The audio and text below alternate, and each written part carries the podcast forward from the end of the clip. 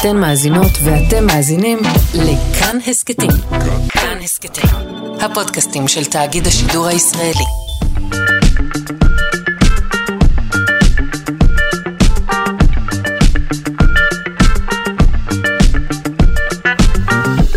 שלושה שיודעים. שלום ובוקר טוב למאזיני שלושה שיודעים כאן בכאן תרבות. היום בתוכנית, הפקת אנרגיה סולארית בחלל, שני גילויים ארכיאולוגיים מדהימים, האחד אה, במצרים והשני באשקלון, וחיפושית מופלאה אחת שיודעת לשתות מים בדרך מאוד ייחודית. העורכת שלנו היא אלכס לויקר, המפיקה תמר בנימין, על הביצוע הטכני דימה קרנצוב. אני שרון קנטור, ואנחנו מתחילים.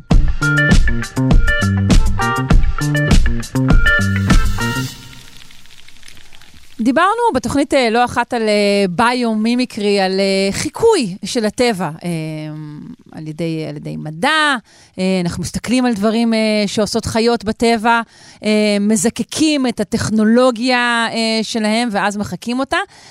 מעניין אם נוכל לעשות את זה. חיפושיות מסוגלות לשתות, ובכן, איך לומר, דרך הטוסיק שלהן. הן לוכדות איכשהו חלקיקי אה, מים מהאוויר.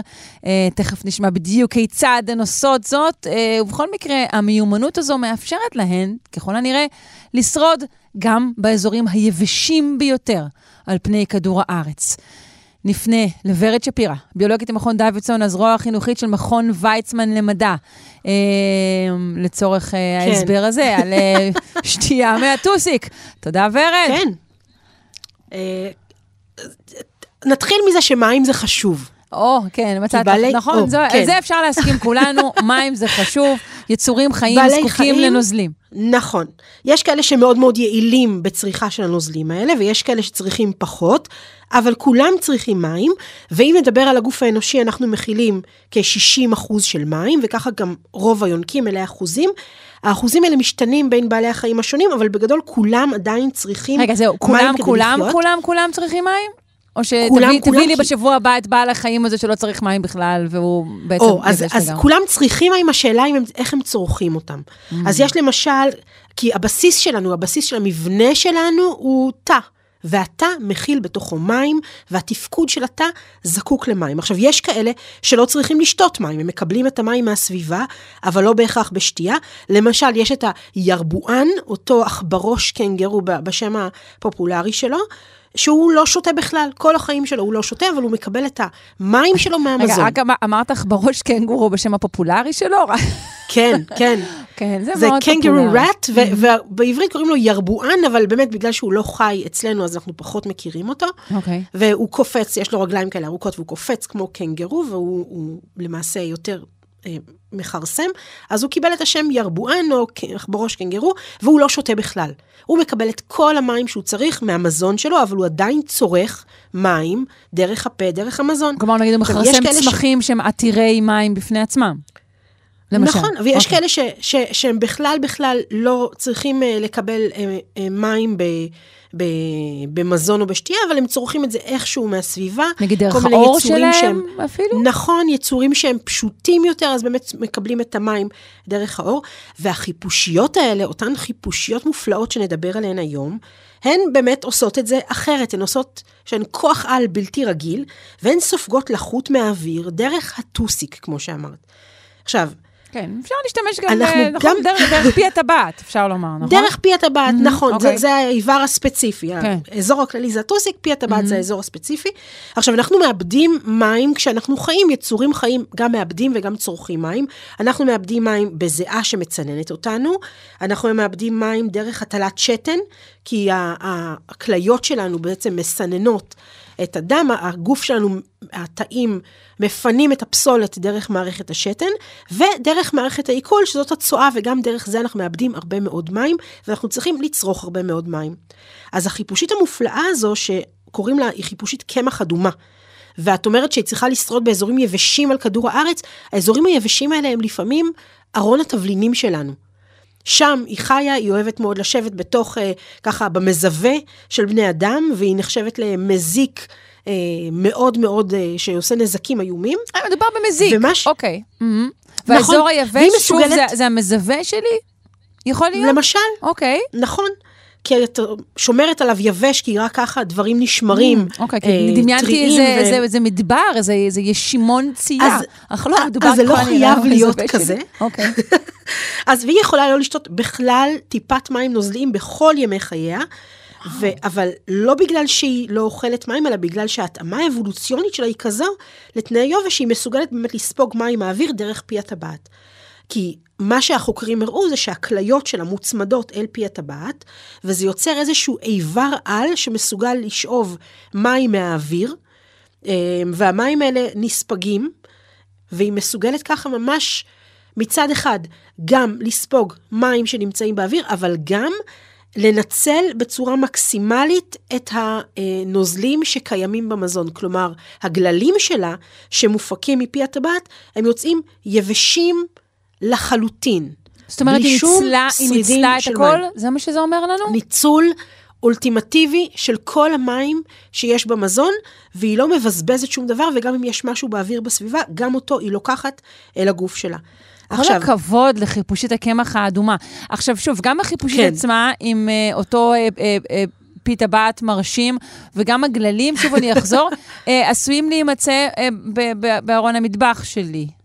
נכון. עכשיו, אוקיי. השאלה הייתה איך היא עושה את זה.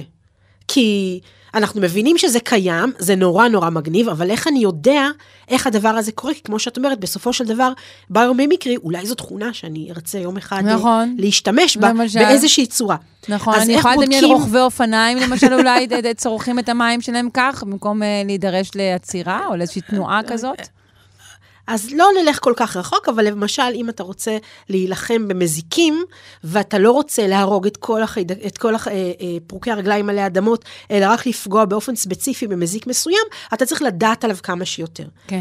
אז כדי לדעת, זה מזיק בכל זאת, וזו, וזו חיפושית שהיא משמשת הרבה מאוד במחקר, אותה חיפושית מופלאה והיא מוכרת מאוד, ולכן הגנום שלה הוא ידוע.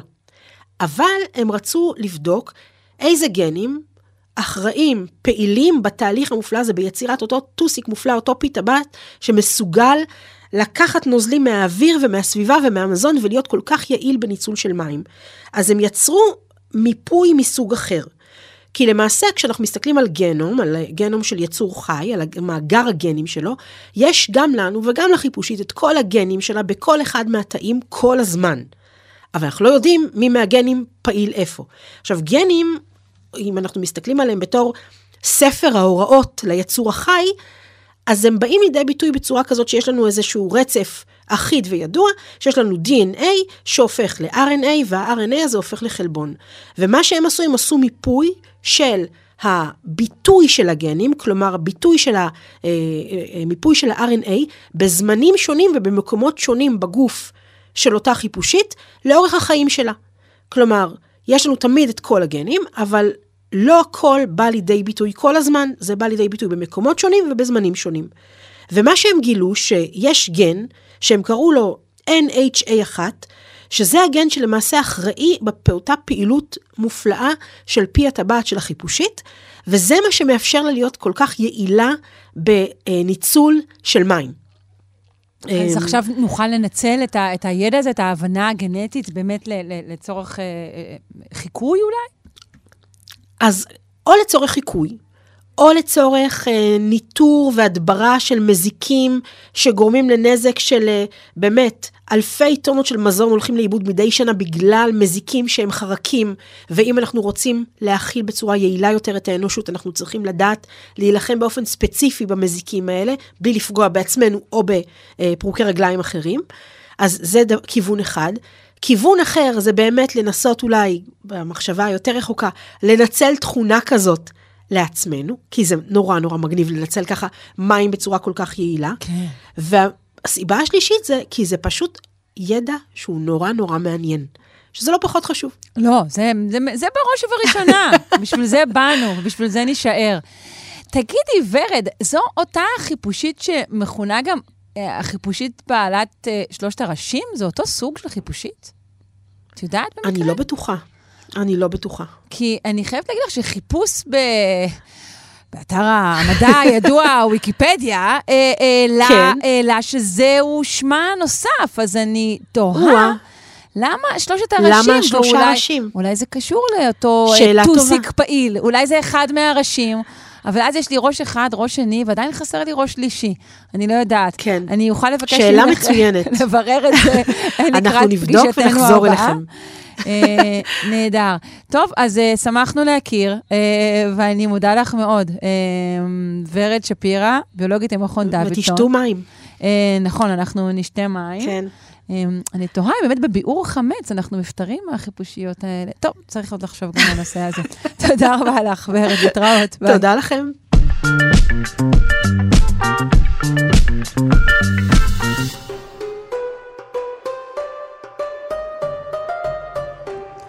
אנחנו יוצאים לסיור מרהיב במקדש אסנה שבמצרים.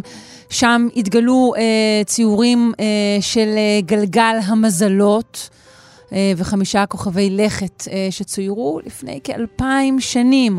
תתאר אה, וגם תבאר הדוקטור רחלי שלומי חן, אגיפטולוגית מהחוגים למדע הדתות ולארכיאולוגיה באוניברסיטה העברית ומייסדת מיזם מלכת מצרים. שלום. שלום, בוקר טוב. בוקר אור, אה, כמה כיף אה, לדבר על מצרים בדיוק אה, בעונה זו של השנה ולקראת הפסח. אבל אנחנו חוזרים למצרים דווקא ולא יוצאים ממנה. נכון. אנחנו מדברים על, על ציור, תיאור של גלגל המזלות. ואני חייבת להגיד שהופתעתי, זה, זה חלק בכלל מה, מהאסטרונומיה המצרית, מהאמונה המצרית, גלגל המזלות?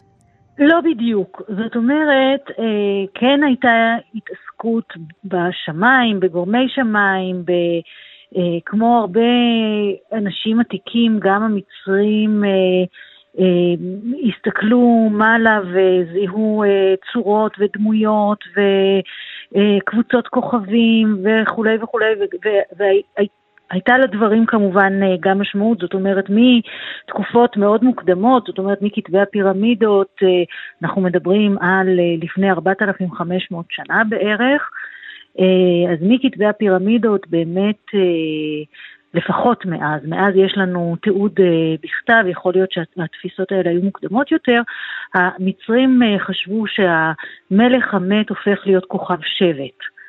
אה, או קיוו לפחות שכך יהיה, שהוא אה, בעצם אה, יהפוך להיות גורם שמיים שתמיד נמצא שם, לא כוכבי הלכת שכמובן נעים בשמיים ויש תקופות שהם נעלמים, אלא כוכב שבט שתמיד מאיר מהרקיע, והתפיסה הייתה שעולם המתים באמת הוא עולם שמימי, הוא נמצא שם והשמיים הם קצת כמו בתפיסה ה... אה, ש, שבאה לידי ביטוי לפחות בחלקים מהמקרא, אנחנו מדברים על אה, אה, אה, רקיע, כן, משהו שהוא מתכתי, אה, שהשמיים הם, הם קשורים למתכת, הם קשורים לכל ההוויה אה, הזאת של אולי איזושהי כיפה שמחזיקה עוד מים מעליה. זאת אומרת, יש פה באמת מכלול מאוד מאוד מעניין של תפיסות. אנחנו רואים את התפיסות האלה הולכות ומתפתחות לאורך השנים, עד שבתקופת הממלכה החדשה, אה, בחלק מהקברים, אה, אה, אנחנו רואים באמת ציורים של, אה, של קבוצות כוכבים שמזוהות עם קבוצות אלים, שמזוהות עם עניין הזמן בשעות הלילה, לאו דווקא בקברים מלכותיים, אפילו בקברים אה, פרטיים. Mm-hmm. אבל עניין הזודיאק, מה שנקרא, עניין גלגל המזלות, של 12 מזלות, שאנחנו מכירים אותם אה, גם קצת אה, מהעידן המודרני כמובן, השורשים שלו, אה, שלו הם אה, ככל הנראה בבבל בכלל. אה, והוא מגיע למצרים בתקופה הפטולמאית יחד עם היוונים. אה, עכשיו, צריך להבין שהתקופה הפטולמאית היא תקופה שבה מצרים באמת אה, נתונה לחשיפה תרבותית ומגע עם תרבויות שכנות באופן באמת מאוד מאוד עמוק. זאת אומרת, צריך קצת אנחנו נמצאים לקראת אה, חג פסח, ואחר כך יבוא שבועות וזה חג מתן תורה, ואנחנו כל הזמן חוגגים סביב אה, מונותאיזם. נכון. אבל צריך רגע אחד אה, לחשוב באופן פוליתאיסטי, זאת אומרת באופן של אנשים שמאמינים באלים רבים. וכשאנשים מאמינים באלים רבים, כמובן שבאופן טבעי הם לא מחזיקים באמת אחת שאין בלתה. והרבה פעמים זה פותח את המחשבה גם לראות מה אנשים אחרים עושים מסביב. אה, גם מבחינה אמונית כמובן, זאת אומרת, יש הרבה מאוד כבוד בפוליטאיזם. שאתה יודע שאתה מאמין באלים רבים, ומישהו אחר מאמין באלים רבים. כלומר, עצם זה שאתה מחזיק בעמדה של ריבוי, גורמת לך אולי לקבל יותר גם עמדות אחרות. בהחלט. אוקיי. Okay. בהחלט. אני, אני מאמינה בזה בכל ליבי. אה, ואנחנו גם רואים את זה, זאת אומרת, אנחנו רואים שאנשים בתרבויות עתיקות למשל, אה, שבאים מתוך מערכת דתית מסוימת, נפגשים עם אנשים מתרבות אחרת ואומרים, אה, אז נניח במקרה של היוונים וה, והמצרים, כן? אז אומרים, אה, אצלנו אלת האהבה היא אפרודיטה ואצלכם זאת חתכור, אז בעצם זאת אותה אחת, ובעצם מזהים את אותה תפיסה ו- ואומרים, אצלנו ככה ואצלכם אחרת. ולעיתים הם אומרת... גם עשויים לחמוד איזשהו אל או איזושהי תצורה שאין אצלם, נכון? בהחלט. וזה לא משהו שהוא, זאת אומרת, לחמוד, יש לחמוד בו משהו... לחמוד אולי נשמע שוב. שלילי, אבל לא התכוונתי לזה בכלל בקטע שלילי, בקטע חיובי. בואו נצרף גם אלינו בהחלט, איזה אלה כזה. בהחלט, okay. אוקיי. אנחנו רואים את זה לאורך התקופות. ביתר שאת, שוב, בתקופת המלאכה החדשה, דווקא עם האלים השמים המערביים, אנחנו יודעים שהאל הענק למשל, אה, אה, רמסס השני נורא אהב אותה, ובאמת, אה, ואפילו קרא לחלק מהילדים שלו, הילדים הרבים שלו, על שמה. ושוב, בתקופה ההלניסטית אנחנו רואים באמת ערבוב אה, מאוד מאוד גדול. כמובן שהתקופה הפטולמאית היא חלק מהתקופה ההלניסטית, היא פטולמאית במצרים, כי אה, שושלת תלמי או פטולמאיוס, אה, זה אותו אחד כמובן, שלטה במצרים. ואנחנו רואים רעיונות שבאמת זורמים ועוברים ממקום למקום, וכך בעצם המגע ה... אה, אינטנסיבי עם התרבות היוונית ששאלה את אה, גלגל המזלות מבבל, אה, מביאה את גלגל המזלות גם למצרים. וכך אנחנו רואים, שוב, בעיקר בקברים, דווקא בקברים פרטיים ובארונות קבורה פרטיים, אבל מלבד המקרה הזה שאנחנו פה רואים את הגילוי החדש והנהדר הזה, יש לנו עוד שני mm-hmm. מקרים של אה, גלגלי מזלות שמופיעים אה, במקדש אחר בדנדרה, פחות או יותר מאותה תקופה. אה, זאת אומרת, אנחנו אולי יכולים בזהירות, ממיעוט הנתונים ש, שיש לנו, לומר שבתקופה הזאת יש לנו איזושהי, אה, באמת, אה, איזשהו גילוי חדש ומסקרן מבחינת התרבות המצרית. עכשיו, אולי גם כדאי לומר איזה מילה או שתיים על הכוהנים שיושבים במקדשים באותה תקופה. הכוהנים האלה, הרבה פעמים אנחנו רואים שהם מאוד מאוד... עסוקים בתובנות אה, מאוד מעמיקות של אה, תפיסות אה, דתיות שוב, גם מצריות וגם כאלה שבאות מבחוץ. זו תקופה מאוד מאוד פוריה, לפעמים מתייחסים אליה כאל איזושהי, הידרדרות בדת המצרית. היום, היום יש נטייה דווקא לראות אותה כמין תקופה של עידן של פריחה אדירה. כיוון שהאנשים האלה, צריך לחשוב עליהם שהם יושבים במקדש, הכוהנים, אה, יש מאחוריהם כבר אה, שלושת אלפים שנות אה, היסטוריה של הדת המצרית בשלב הזה. הם לוקחים כל מיני רעיונות שהם מכירים אותם, ואנחנו יודעים שהמקדשים במצרים הם מרכזי ידע, הם קצת כמו, יש בהם ספריות, זה קצת כמו מכוני מחקר מודרניים, כמו אוניברסיטאות. יושבים שם אנשים ש, ש, שרוצים לחקור. ולומדים. אז חלק מהמקצועות שלומדים הם באמת אה, מקצועות שהם... שמקצועות ש, שאולי אה, יש בהם תועלת אה, מיידית, כמו רפואה, אבל חלק מהמקצועות זה באמת העמקה בתמות שהן תמות דתיות.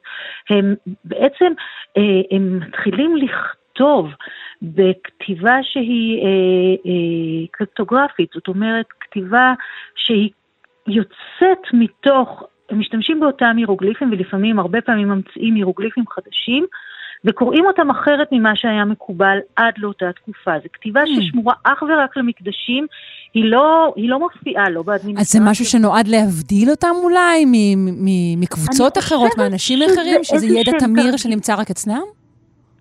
אני, כן, זה ידע תמיר שנמצא רק אצלם, ואני חושבת שזה נועד לתרגילי מחשבה, אה, למין אה, אה, יציקת מהות חדשה בתוך דברים שהם עתיקים.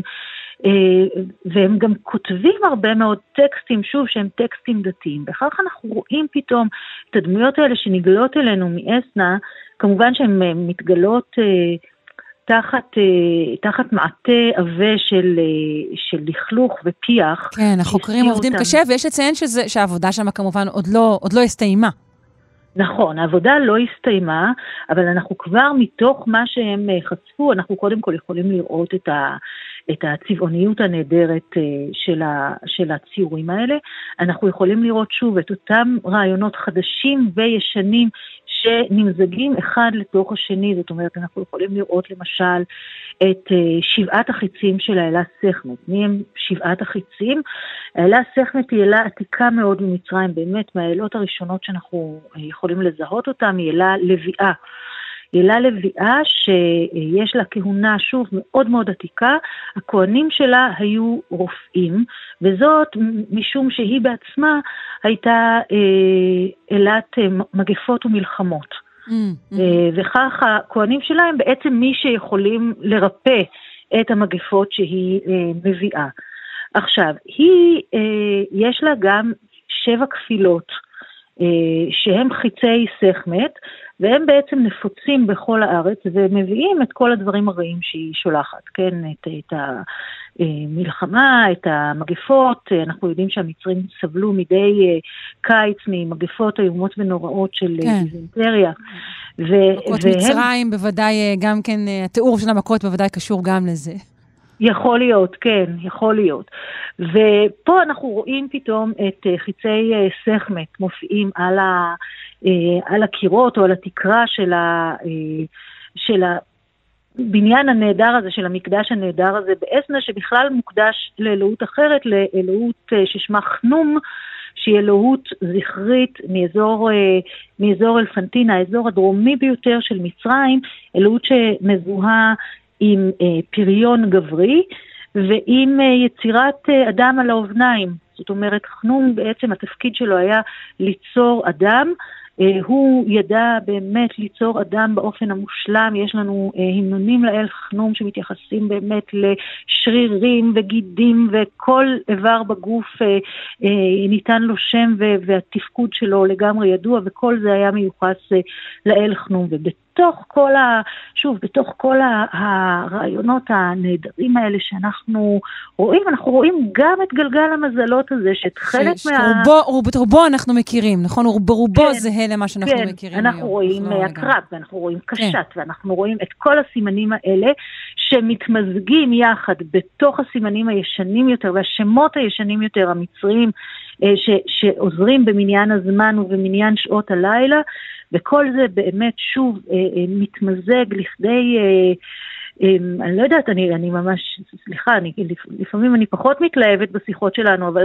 אבל זה באמת, תשמעי, זה באמת מרהיב. כן, נמליץ למאזינים לחפש את התמונות, כי זה באמת ממש, מדהים. כן, ממש נמזג לאיזה שיקוי משקר של דמיון ושל עומק ושל... התמז... באמת יוצא מן הכלל. בהחלט, ואני מאוד מודה לך על עוד אה, אה, שיחה שגם היא יוצאת מן הכלל. תודה רבה לך, דוקטור רחלי שלומי חן, אגיפטולוגית מהחוגים למדע הדתות ולארכיאולוגיה באוניברסיטה העברית ומייסדת מיזם מלכת מצרים. חג שמח.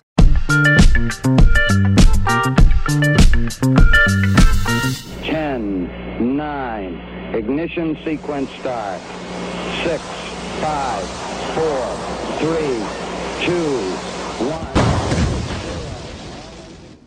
אנרגיה סולארית, או פשוט חשמל, שיופק בחלל החיצון ואנחנו נזכה להשתמש בו עוד בימי חיינו, האם זה אפשרי? דוקטור עדי לוי, אמור לי, האם זה אפשרי? היי, אמ, זה נמצא בתהליכים של אה, ניסוי. יכול להיות שיהיה אפשרי בעתיד. בוא ספר לנו אה, אה, על הניסוי הזה, על הצעד הנוסף בדרך אה, לאנרגיה סולארית. אוקיי, אז קודם כל, מי שכיום מנסה לפחות לבצע פרויקטים כאלה, פרויקטים ניסיוניים, זה גם האמריקאים וגם הסינים. ובינואר האחרון שיגרו חללית קטנה במשקל של 50 קילו, ניסיונית, במטרה באמת לבחון אה, גם הפקה של אנרגיה סולארית אה, מחוץ לאטמוספירה בחלל, וגם אה, שידור של אותה אנרגיה בעצם בפאנלים מופקת, מופק חשמל DC, הוא עובר ל-AC, ואז בעצם ממירים אותו לגלי מיקרו, משדרים אותו כגלי מיקרו למקלט, והמקלט הזה ממיר אותו בחזרה לחשמל. טוב, טוב, סתם, אמרת זה... פה כאילו DC ו-AC ומקלט, אבל זה... רגע, אז מה, מדובר על לשים פאנלים בחלל, קודם כל? כן, אבל הניסוי הזה הוא עוד לא, בעצם החזון הוא להקים תחנת כוח אה, בחלל, שבעצם אה, יכולה לפעול 99% מהזמן אה, חשופה לקרינת שמש הרבה יותר חזקה ממה שמגיעה לפני כדור הארץ, יש לנו את שכבת האוזון, יש עננים, יש יום ולילה, ובעצם בחלל יכולים לנטרל את כל האלמנטים האלה, ו, אה, ולקבל בעצם אה, ייצור חשמל פי שבע יותר משמעותי מבחינת ההספק, ואז צריך רק לשגר אותו איכשהו לכדור הארץ. ופה בעצם יש ניסוי שכל הסיפור הזה כולו נמצא על איזושהי פלטפורמה קטנה, שבניסוי בדקו כמה דברים, נדבר על זה עוד רגע, אבל, אבל, אבל כל רגע, הסיפור הזה נמצא על פלטפורמה לפני קטנה. זה, מה הגודל של, של, של פאנלים, אתה יודע, כמה פאנלים סולאריים צריך כדי לייצר משהו שיש לו איזושהי משמעות בחלל? הרבה, לא? אז זאת ענק. שאלה טובה, כן. כי, כי כשמדברים על, אה, למשל, תחנת הכוח בחדרה היא בערך אה, אה, 2,500 אה, מגוואט, כשמדברים על לייצר 1,000 מגוואט בחלל, מדובר על, אה, על אה, לוויין או, או מערכת בגודל של כמה קילומטרים. זאת אומרת, זה צריך להיות משהו מאוד מאוד גדול. אנחנו ש... יכולים בכלל לשגר משהו כל כך גדול? לא, אנחנו יכולים, וזה מה שהסינים גם אה, עתידים לעשות בעצם אה, בהמשך, זה אה, אם נדבר נגיד על תחנת החלל הבינלאומית, היא בערך במשקל של 400 טון, mm-hmm. ופה מדובר על משקלים ש, ש, של מערכת שלמה ועובדת, כן, זה משקל של בין אלף ל... אפילו לעשרת אלפים טון, ולכן באמת יהיה צריך מספר גדול של שיגורים. אה, וגם אה, שימוש בזרועות רובוט, רובוטיות בחלל כדי להרכיב, ואפילו שימוש בהדפסת תלת מימד כדי לייצר חלק מהחלקים. הבנתי. והמרוץ הוא לייצר את החלקים האלה כמה שיותר אה, קלים גם, כדי שיהיה אפשר לחסוך בעלויות שיגור. כן, כי בסוף האנרגיה שנצרוך כדי כן. לשגר אותם, גם לה יש משמעות. בהחלט, נכון. אותם. אוקיי, עכשיו בוא נדבר על מה שאמרת, השידור חזרה. אנחנו מדברים על משהו מאוד ראשוני. כן. כן. בוא נדבר על ההחזרה באמת של האנרגיה אה, אה, לכדור הארץ, איך היא תעשה? אז בעצם הרעיון פה הוא אה, בעצם אה, לקלוט את אנרגיית השמש, לייצר חשמל, כמו בפאנל סולארי רגיל פה ב, על פני כדור הארץ, ואז להמיר אותה לקרינת, אה, אה, לקרינת microwave, קרינה אה, בעצם, ויש גם כל מיני טכנולוגיות אחרות למשל להמיר לקרני, אה, אה, סליחה, ללייזר או לגלי רדיו ואחרים, ובעצם אה, לשגר אותה באופן מאוד ממוקד. היתרון בקרינת microwave זה שהיא לא מתפזרת כמעט כשהיא עוברת דרך האטמוספירה, ואפשר להעביר אותה בצורה יחסית ממוקדת. וזה הקונספט בגדול, להעביר אותה בעצם מאותו גוף שירחף בחלל ויקלוט את קרינת השמש 24/7 אל נקודה בקרקע, וככה אנחנו בעצם אה, אה, מייצרים חשמל בצורה רציפה מאנרגיית השמש, מה ששונה מפאנלים סולאריים.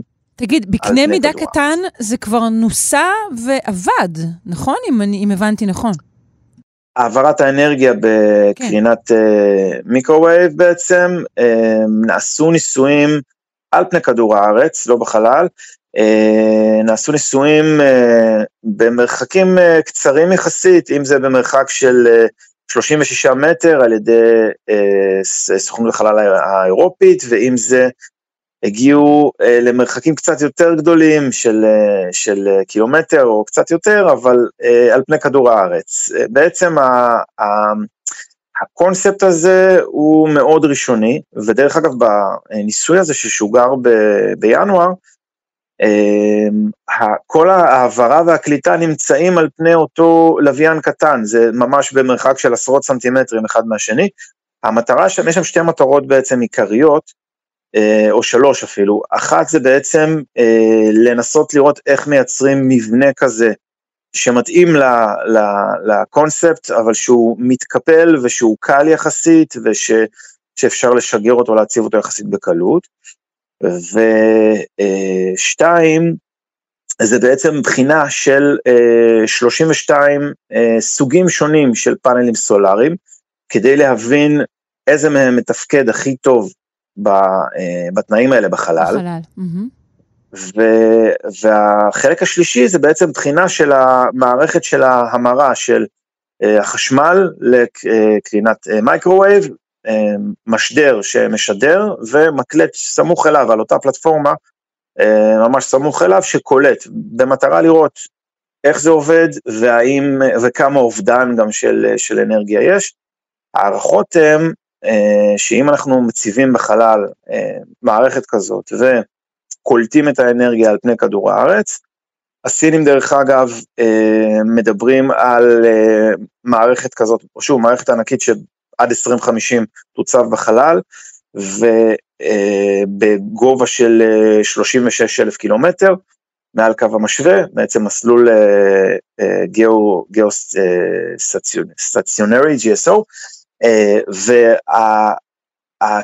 GSO, והכוונה פה היא, אה, היא שוב להשתמש באנרגיית, בגלי מקרווייב, והם עתידים לייצר ג'יגה וואט, אלף מגה וואט מתחנה כזאת. אבל שוב, אה, כדי, כדי להגיע לזה בעצם צריך, אה, יהיה הרבה מאוד שיגורים, אה, כדי בעצם. לבנות משהו כזה גדול אה, בחלל. כן, אז אנחנו עוקפים את כל הבעיות שיש לפאנלים סולאריים על פני כדור הארץ. אה, ראשית, חושך בחלק מהזמן, ושנית, אה, זיהום אוויר ועננות אה, וכל הפגמים האלה, ופשוט הולכים יותר קרוב למקור. האם הדבר הזה ישתלם אה, מבחינה אנרגטית? אנחנו עוד לא יכולים לדעת, נכון? אה, הוא אמור להשתלם מבחינה אנרגטית, אבל אה, הערכות הן שיש אובדן, יכול להיות אובדן של עד 50% מהאנרגיה בכל ההמרות האלה, המרה מזרם אה, ישר לזרם חלופי, ל-AC, כמו שיש לנו בחשמל בבית, mm-hmm. המרה ל microwave, המרה, קליטה של ה microwave והמרה בחזרה לחשמל, כל הסיפור הזה כרוך באובדן של לא מעט מהזרם, מה, מהחשמל, ו, אה, והאמת שזה, קודם כל זה, זה סופר מעניין מבחינה מדעית ומבחינה מחקרית, להגיד האם זה יהיה, זאת תהיה הדרך שבה אני אייצר אה, אה, חשמל בעתיד, קשה לי להגיד כרגע, כן. ו, ואגב, בסופו של דבר, מכל הפתרונות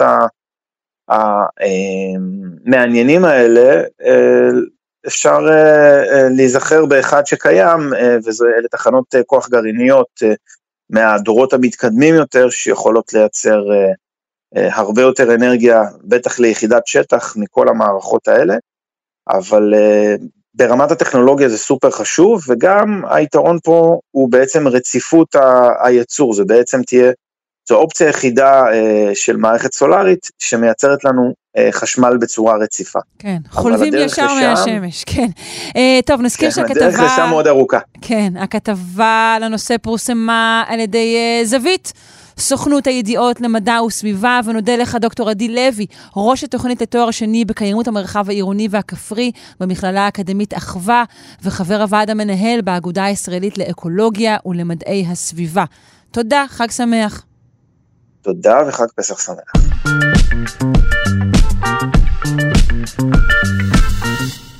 אנחנו עם uh, תגלית ארכיאולוגית מרתקת, קרס דייג מנחושת, בן כששת אלפים שנה. הוא מהקדומים הידועים לפחות בעולם. ככל הנראה שימש לצדק כרישים או דגים גדולים מאוד. הוא התגלה בחפירות של רשות העתיקות באזור אשקלון. נשמע הכל אודות הגילוי הזה מהדוקטור יעל עבדי רייס, היא מנהלת החפירה, חופרת חוקרת בכירה במרחב דרום ברשות העתיקות. שלום, בוקר טוב. בוקר טוב, שרון. בוקר אור, בואי ספרי לנו על אה, אותו קרס אה, שנמצא. אה, קודם כל תארי לנו אותו, מה גודלו? הוא אה, באורך של שישה וחצי סנטימטר וברוחב של ארבעה סנטימטר, הוא, הוא גדול. כן. והוא עשוי כולו מנחושת, פשוט חוט אחד של נחושת שכופף לצורה לא מורכבת, אמ, ולפי הגודל והצורה אנחנו יודעים שאלו קרסים לדגים גדולים. באגן המזרחי של הים התיכון בדרך כלל כרישים, אפשר דגי טונה אבל הם פחות נפוצים, לא כרישי המעמקים הענקים, אבל הכרישים של השניים שלושה מטר, שזה גם לא קטן, שמגיעים קרוב יותר לחוף בעונות מסוימות. ודייג של אה, דגים כאלו גדולים היה אה, עניין נפוץ והיה חלק מהחיים הכלכליים כאן באזור? לא כל כך יודעים כי מאוד נדיר למצוא, גם עצמות הדגים עצמם לא, אה, לא נשמרות היטב בחפירות, בטח לא באזור לח כמו אשקלון. אה, וגם אה, אנחנו מוצאים מעט מאוד קרסים, ממש יש קרסים בודדים מנחושת בתקופה הזאת, יש קרסים מעצם שגם ההשתמרות שלהם עצמם היא לא טובה, והם כן. רובם הרבה יותר קטנים. Uh, ומה שאני uh, אדבר עליו מחר בקונגרס הארכיאולוגי בהרצאה, זה שבדיקות שרידים בכלי האוכל עצמם מגלים שהם לא כל כך אכלו דגים. למרות לא שהם גרו ליד הים. הם דגו לא היה... אך לא אכלו? אז לשם מה היה דג? זה דווקא לא היה אוכל הנפוץ. ביום יום אכלו דברים אחרים, אבל הם כן ידעו להכין קרס מאוד גדול, מאוד uh, מתאים לכבישים, ולכן זה יותר נשמע כמו משהו שעושים פעם בכמה זמן. זה היה כפר של חקלאים, היו להם עדרי צאן ובקר, היו להם שדות חיטה ושעורה ומטעים וקטניות, ומדי פעם הם היו יוצאים לים, חבורה שהתארגנה טוב טוב והולכים לצוד להם כריש. לא פעילות יומיומית. ואז אה, אני מניחה שכן השתמשו על בבשרו של, של הדג ש, שניצוד. כן. אז כן. הם, הם שימרו אותו? מה הם עשו איתו? או אנחנו, קשה לנו מאוד לדעת בתקופה הזו מה נאכל מיד ומה שימרו. אנחנו כן יודעים שלפי השרידים הארוחות שלהם היו מאוד מגוונות. כלומר, לא אכלו את מה שהשיגו באותו יום, אלא היו פרקטיקות קולינריות קצת יותר מופ... אה, אה, מעניינות, היו, היו נזידים, היו תבשילים, דברים ששמים בהם כל מיני מאכלים ונותנים להם הרבה זמן על האש. אה, כך שאם שימרו אותו, בהחלט יכול להיות שהוסיפו אותו פה ושם למאכלים מיוחדים. לא אוכל יומיומי, אבל אולי למשהו חגיגי, mm, כריש okay. אוקיי. לחג. בואי נדבר עוד על, על התקופה הזו, על איזו תקופה מדובר. אנחנו מדברים שוב, אני... הכרס הוא ככל הנראה, אמרנו, אה, בין כ-6,000 שנים, נכון? כן. אז בואי נדבר על התקופה הזו. אנחנו מדברים על התקופה שאנחנו קוראים לה חלקוליטית. תקופת הנחושת אבן, היא עדיין תקופת האבן, זה סוף הפרה-היסטוריה, אבל כבר התחילו בפעם הראשונה בעולם אנשים משתמשים בנחושת. וזה כאן באזור, המוקד הוא בנגב, שאנשים למדו איך להתיך נחושת ולהשתמש בה.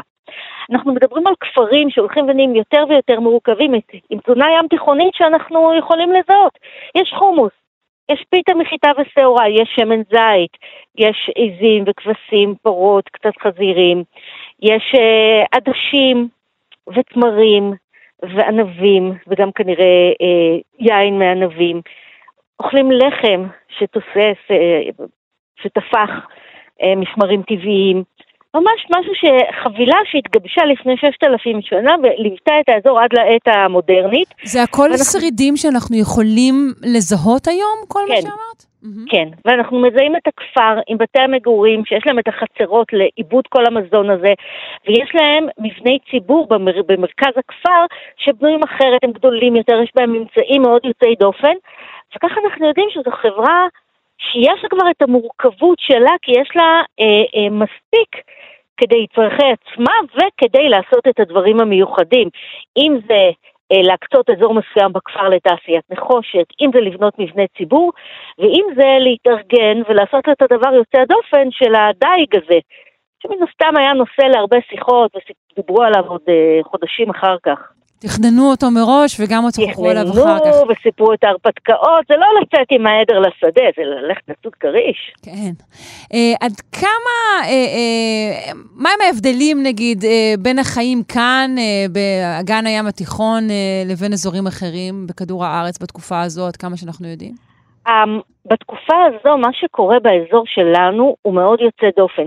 בכל העולם חיים ציידים לקטים, כמו שההומו ספיאנס, האנשים חיו מאז ומעולם, לא בחקלאות, אוכלים את מה שהסביבה מספקת, mm-hmm. יודעים טוב, מכירים טוב את הסביבה ונודדים בעקבות המשאבי מזון. ובאזור שלנו, כבר כמה אלפי שנה לפני התקופה שאנחנו מדברות עליה, התחילו אה, לשבת ביישובי קבע. התחילו אה, לטפח חקלאות.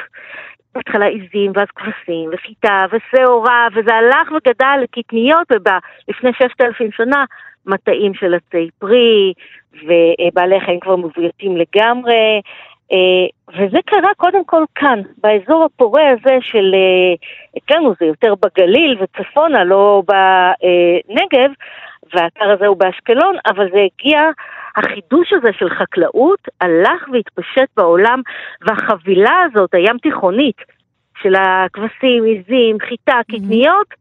התפשטה מהאזור ממש לרחבי העולם. והסיבה אז, שזה החל כאן, ככל הידוע לנו, היא באמת הנוחות אה, של, של התנאים כאן באזור?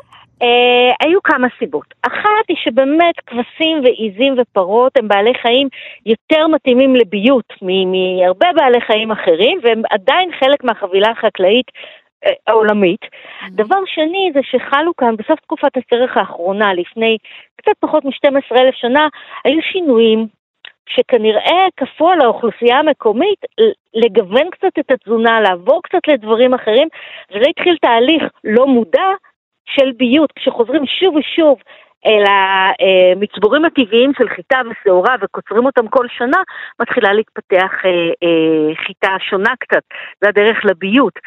אמ, והשילוב הזה של ה...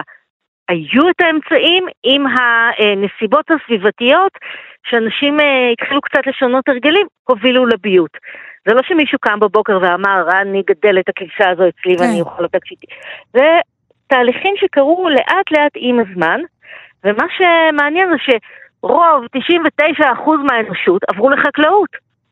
עם כן. כמה שחקלאי עובד קשה יותר מאשר אה, צייד לקט, כולם רצו חקלאות, עברו לחידוש הזה, אה, חיו חיים קשים. מכורים ליציבות, ו... התמכרו ליציבות, אין מה אה, לעשות. יציבות, אפשר ללדת ילדים במרווחים קטנים יותר, כן. אפשר לשמור במחסן אוכל לעונה הבאה, ופשוט כולנו הלכנו לכיוון הזה. כן, וכך הפכנו לעבד של הזמן. לגמרי, כי ציידים לקטים עובדים הרבה פחות שעות ביום. כן. גם אין להם כמעט רכוש, ולא כל כך בתים, אבל מבחינת עבודה, מעט מאוד שעות. כן. וכמו שלימדו אותי באנתרופולוגיה, מה עושים אחרי העבודה? יושבים סביב המדורה ומפטפטים. זה לא רע. נכון. אה, בואי נדבר על האתר הזה אה, באשקלון. בעצם זה מה, זה, זה שכונה חדשה שבונים שם, ושנייה כן. לפני שהם מרימים שם את כל הבניינים אה, הגבוהים, אתם באים לנסות להציל מה שאפשר? אז זהו, בדרום אשקלון החליטו להתרחב לאזור שנקרא אגמים, כי כל חורף יש בו אגם עונתי. ואנחנו ברשות העתיקות אמרנו להם מראש, יש כמה אתרים מאוחרים יותר מהתקופה הביזנטית, הרומית, באזור, אנחנו רוצים לבדוק. בסדר, תבדקו, בדקנו, בדקנו. אמרנו, הנה אתר קטן פה, אתר קטן שם, ואז עשינו בדיקות יותר מעמיקות, ממש עם, עם טרקטור לחפור, לחפור תעלות של 3-4 מטר. ולמטה, מסתבר שיש אתר גדול מאוד מהתקופה החלקוליטית. שיור. לא ידענו עליו, הוא היה מכוסה לגמרי במטרים של אדמה נקייה מממצאים. ואז לפני, ה, לפני הבנייה, אנחנו פשוט הגענו, הורדנו עם התחפורים את, ה, את השני מטר הנקיים מהאדמה, חפרנו שם שמונה חודשים את הכפר הנהדר, זה היה ממש כיף לחפור אותו. ובסוף התהליך, אנחנו שומרים את הממצאים, אנחנו שומרים את הידע, מפרסמים את הידע של מה שהיה שם. העירייה החליטה להשאיר חלק מהאתר שלא יבנו עליו, אה, כדי שאפשר יהיה לפתח אותו לתיירות. Mm-hmm. וכל השאר אה, בימים אלו בונים עליו. טוב, כי... ומי ייתן ותושבי השכונה מדי פעם ביושבם במרפסת אה, יחשבו על האנשים שחיו לפני אלפי שנים. בדיוק, והאגם שהתפתח שם, שכל חורף היה אגם, הוסט לפשוט אגם מלאכותי, כדי שעדיין יהיה להם, אני לא יודעת אם הם יבינו כמה הם חיים חיים דומים למה שהיה תמיד. כן. כל חורף הצפה. כן, זה מצחיק, השכונות כמובן קרויות על שם דברים שהיו פעם, זו אני חושבת תיקרא שכונת אגמים, נכון? כן, כן, אגמים. אני מאוד מודה לך, דוקטור יעל עבדי רייס, אה, מנהלת החפירה הזו, חופרת חוקרת בכירה במרחב דרום ברשות העתיקות. חג שמח. תודה, שרון, חג שמח.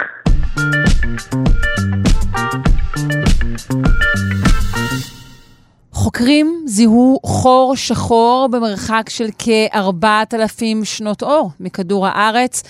החור השחור הזה התגלה על ידי טלסקופ החלל גאיה. נפנה אה, לשותף במחקר הזה, זהו פרופסור צבי מזה, מבית הספר לפיזיקה ואסטרונומיה באוניברסיטת תל אביב. שלום. שלום, שלום. שלום, שלום. Uh, אז אנחנו עם הגילוי החדש הזה של טלסקופ החלל גאיה, כאמור. Uh, קודם כל בואו נדבר על גאיה, איך הוא שונה מטלסקופים uh, אחרים? זה טלסקופ ששוגר לחלל, זה בעצם חללית, או, או הייתי אומר פרויקט חללי, שזה שוגר כבר, זה עובד כבר שש שנים או משהו כזה, זה, זה, זה חללית או טלסקופ פנטסטיים שעוקבים אחרי uh, כמעט שני מיליארד כוכבים בגלקסיה שלנו ומודד, ומודדים בעיקר את המיקום שלהם בצורה מדויקת שלא לא הייתה עד היום, מתוך uh, ניסיון להבין את מבנה הגלקסיה ואת ההיסטוריה שלה ומה יש שם וככה. Mm-hmm. למה קשה בעצם לגלות חורים שחורים? חורים שחורים קשה מאוד לגלות, כי פר הגדרה, חור שחור, הגרביטציה שלו היא כל כך אה, חזקה, הכוח המשיכה שלו כל כך חזק, ששום דבר לא יכול לצאת ממנו כולל אור. אור לא יכול לצאת משפתו או מהאופק של, של החור השחור. אז לכן אה, קשה מאוד לגלות את זה, זה דבר אחד. דבר שני, זה, זה גוף שהוא מאוד מאוד מאוד נדיר. אנחנו לא יודעים כמה יש בגלקסיה, אבל uh, אנשים מדברים על אולי, אולי אה, עשרת אלפים, אולי מאה אלף uh, חורים שחורים כאלה, מתוך, מתוך המאה מיליארד כוכבים mm. שיש בגלקסיה, אז זה מעט מאוד.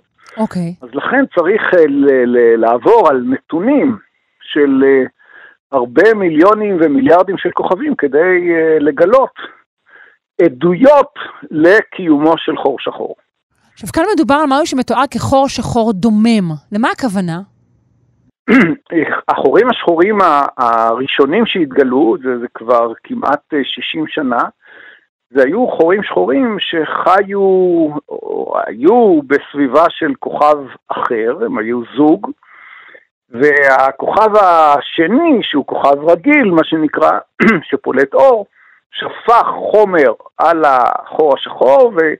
החומר הזה הסתחרר והאיץ לקראת אה, נפילתו לתוך החור השחור, וקצת לפני שהוא הגיע לאופק שממנו אי אפשר לראות יותר, הוא היה פולט, אה, החומר הזה פולט קרינת אה, רנטגן, קרינת אקס, בצורה מאוד מאוד חזקה. אז, אז החורים השחורים הראשונים שהתגלו, התגלו על ידי כך שהם פלטו, או מסביבם נפלט קרינת אה, רנטגן מאוד מאוד חזקה.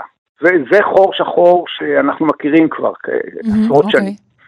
אבל, אבל uh, ההנחה הייתה שיש הרבה הרבה מאוד חורים שחורים שלא שופ... אין, אין לידם כוכב אחר ששופך עליהם חומר ולכן הם לא פולטים קרינת איקס. אז אלה חורים שחורים שלא פולטים שום דבר, הם יושבים שם ומחכים, מחכים שנגלה אותם. אז זהו חור שחור דומם בעצם. זהו חור, בדיוק, זה חור שחור דומה, ולכן גם הרבה יותר קשה לגלות אותו. כן. אבל גאיה כבר אותו... גילתה חור שחור אחד כזה, נכון? סליחה? גאיה כבר uh, גילתה, או גילה בעצם, הטלסקופ כבר גילה חור שחור אחד כזה בעבר, נכון? כן, לא מזמן, לפני כמה חודשים. תשמעי, החללית לא מגלה, החללית שולחת נתונים. כן.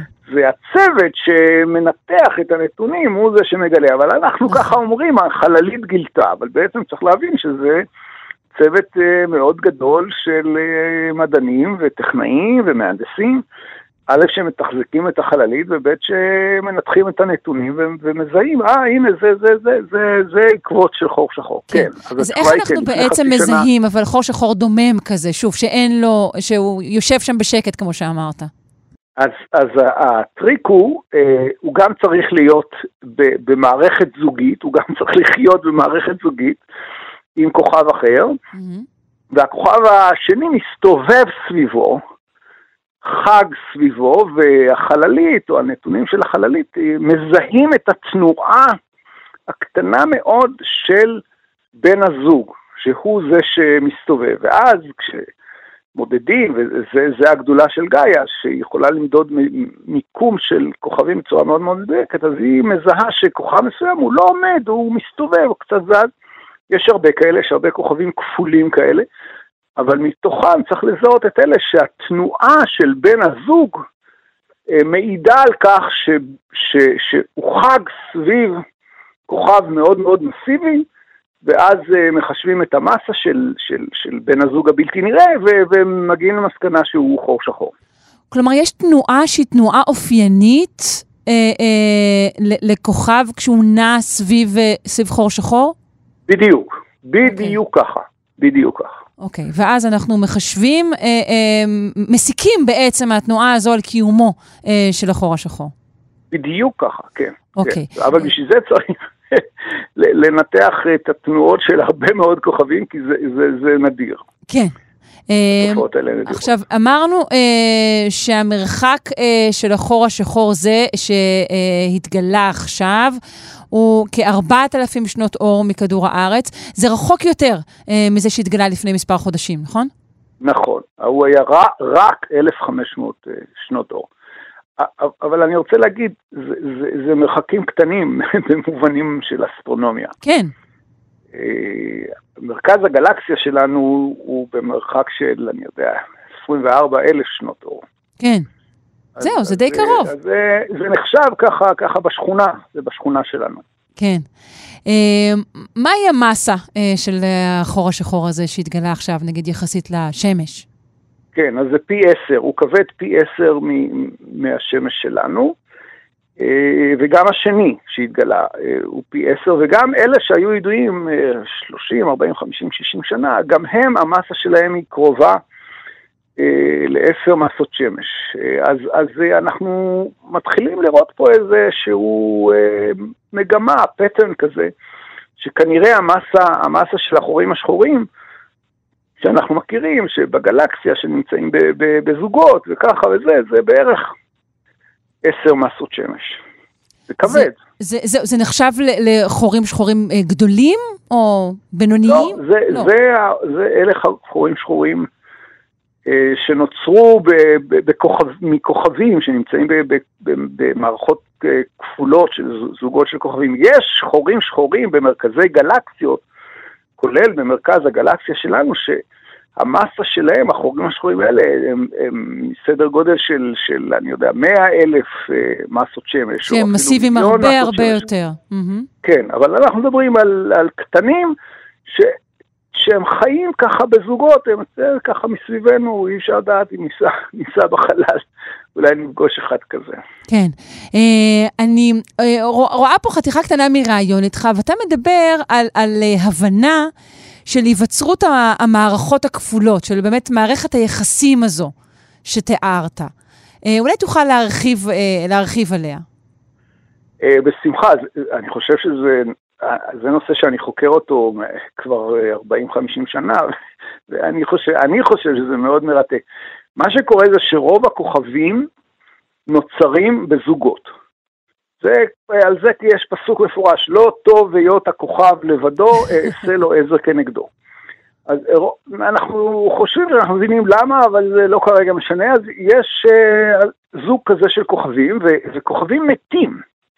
כשהם גומרים אה, להבעיר את האנרגיה שנמצאת בליבתם, אז, אז הם, הם מתים והופכים במקרים מאוד מאוד נדירים לחורים שחורים. ואז הזוג הזה, ש, שחי באושר ובאושר, פתאום אחד מת.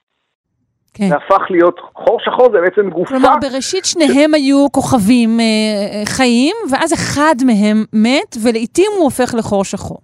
בדיוק ככה, okay. בדיוק אוקיי. ככה. עכשיו, בניגוד לזוגיות של בני אדם, שברגע שבן זוג אחד אה, נפטר, אז אה, קוברים אותו רחוק, קרוב, לא משנה, וה, והחי הולך ו, ו, וממשיך את חייו, ולפעמים אפילו נכנס אה, לזוגיות שנייה. אצל כוכבים זה לא ככה, כוכבים נשארים נאמנים אחד לשני, וזה ש... בן הזוג מת, הכוכב השני ממשיך להסתובב סביבו יחד איתו, כאילו, כאילו הוא שומר לו אמונים. ו- וככה אנחנו מגלים את החורים השחורים, כשאנחנו מגלים את בן הזוג ששומר אמונים לקומפניון שלו, לבן הזוג שלו, והוא מסתובב סביבו. הוא מסתובב סביבו והוא עתיד גם להיבלע בו? זאת שאלה אה, מצוינת, זה תלוי במרחק, במרחק שביניהם. אם הוא מאוד מאוד קרוב, יכול להיות שהוא ייבלע, אבל אה, אלה שאנחנו גילינו הם, הם רחוקים מספיק, בן הזוג מספיק רחוק, אז, אז הוא לא ייבלע. הוא שומר, זה כמו אצל אה, זוגיות, אה, אצל בני אדם, הוא שומר לו את הזהות שלו, הוא, מס, הוא מספיק רחוק כדי לשמור על הזהות שלו. טוב, יפה. אה, לך כמדען נתונה הרשות לעשות קורלציות כאלה, אני יכולה רק לצחוק. כן, כן, זה דברים מאוד מעניינים, הזוגיות של כוכבים. טוב, אה, יפה. אז אה, ברכות על הגילוי של החור השחור הזה. ונודה לך, פרופ' צבי מאזן, מבית הספר לפיזיקה ואסטרונומיה באוניברסיטת תל אביב. חג שמח. חג שמח, תודה רבה לך.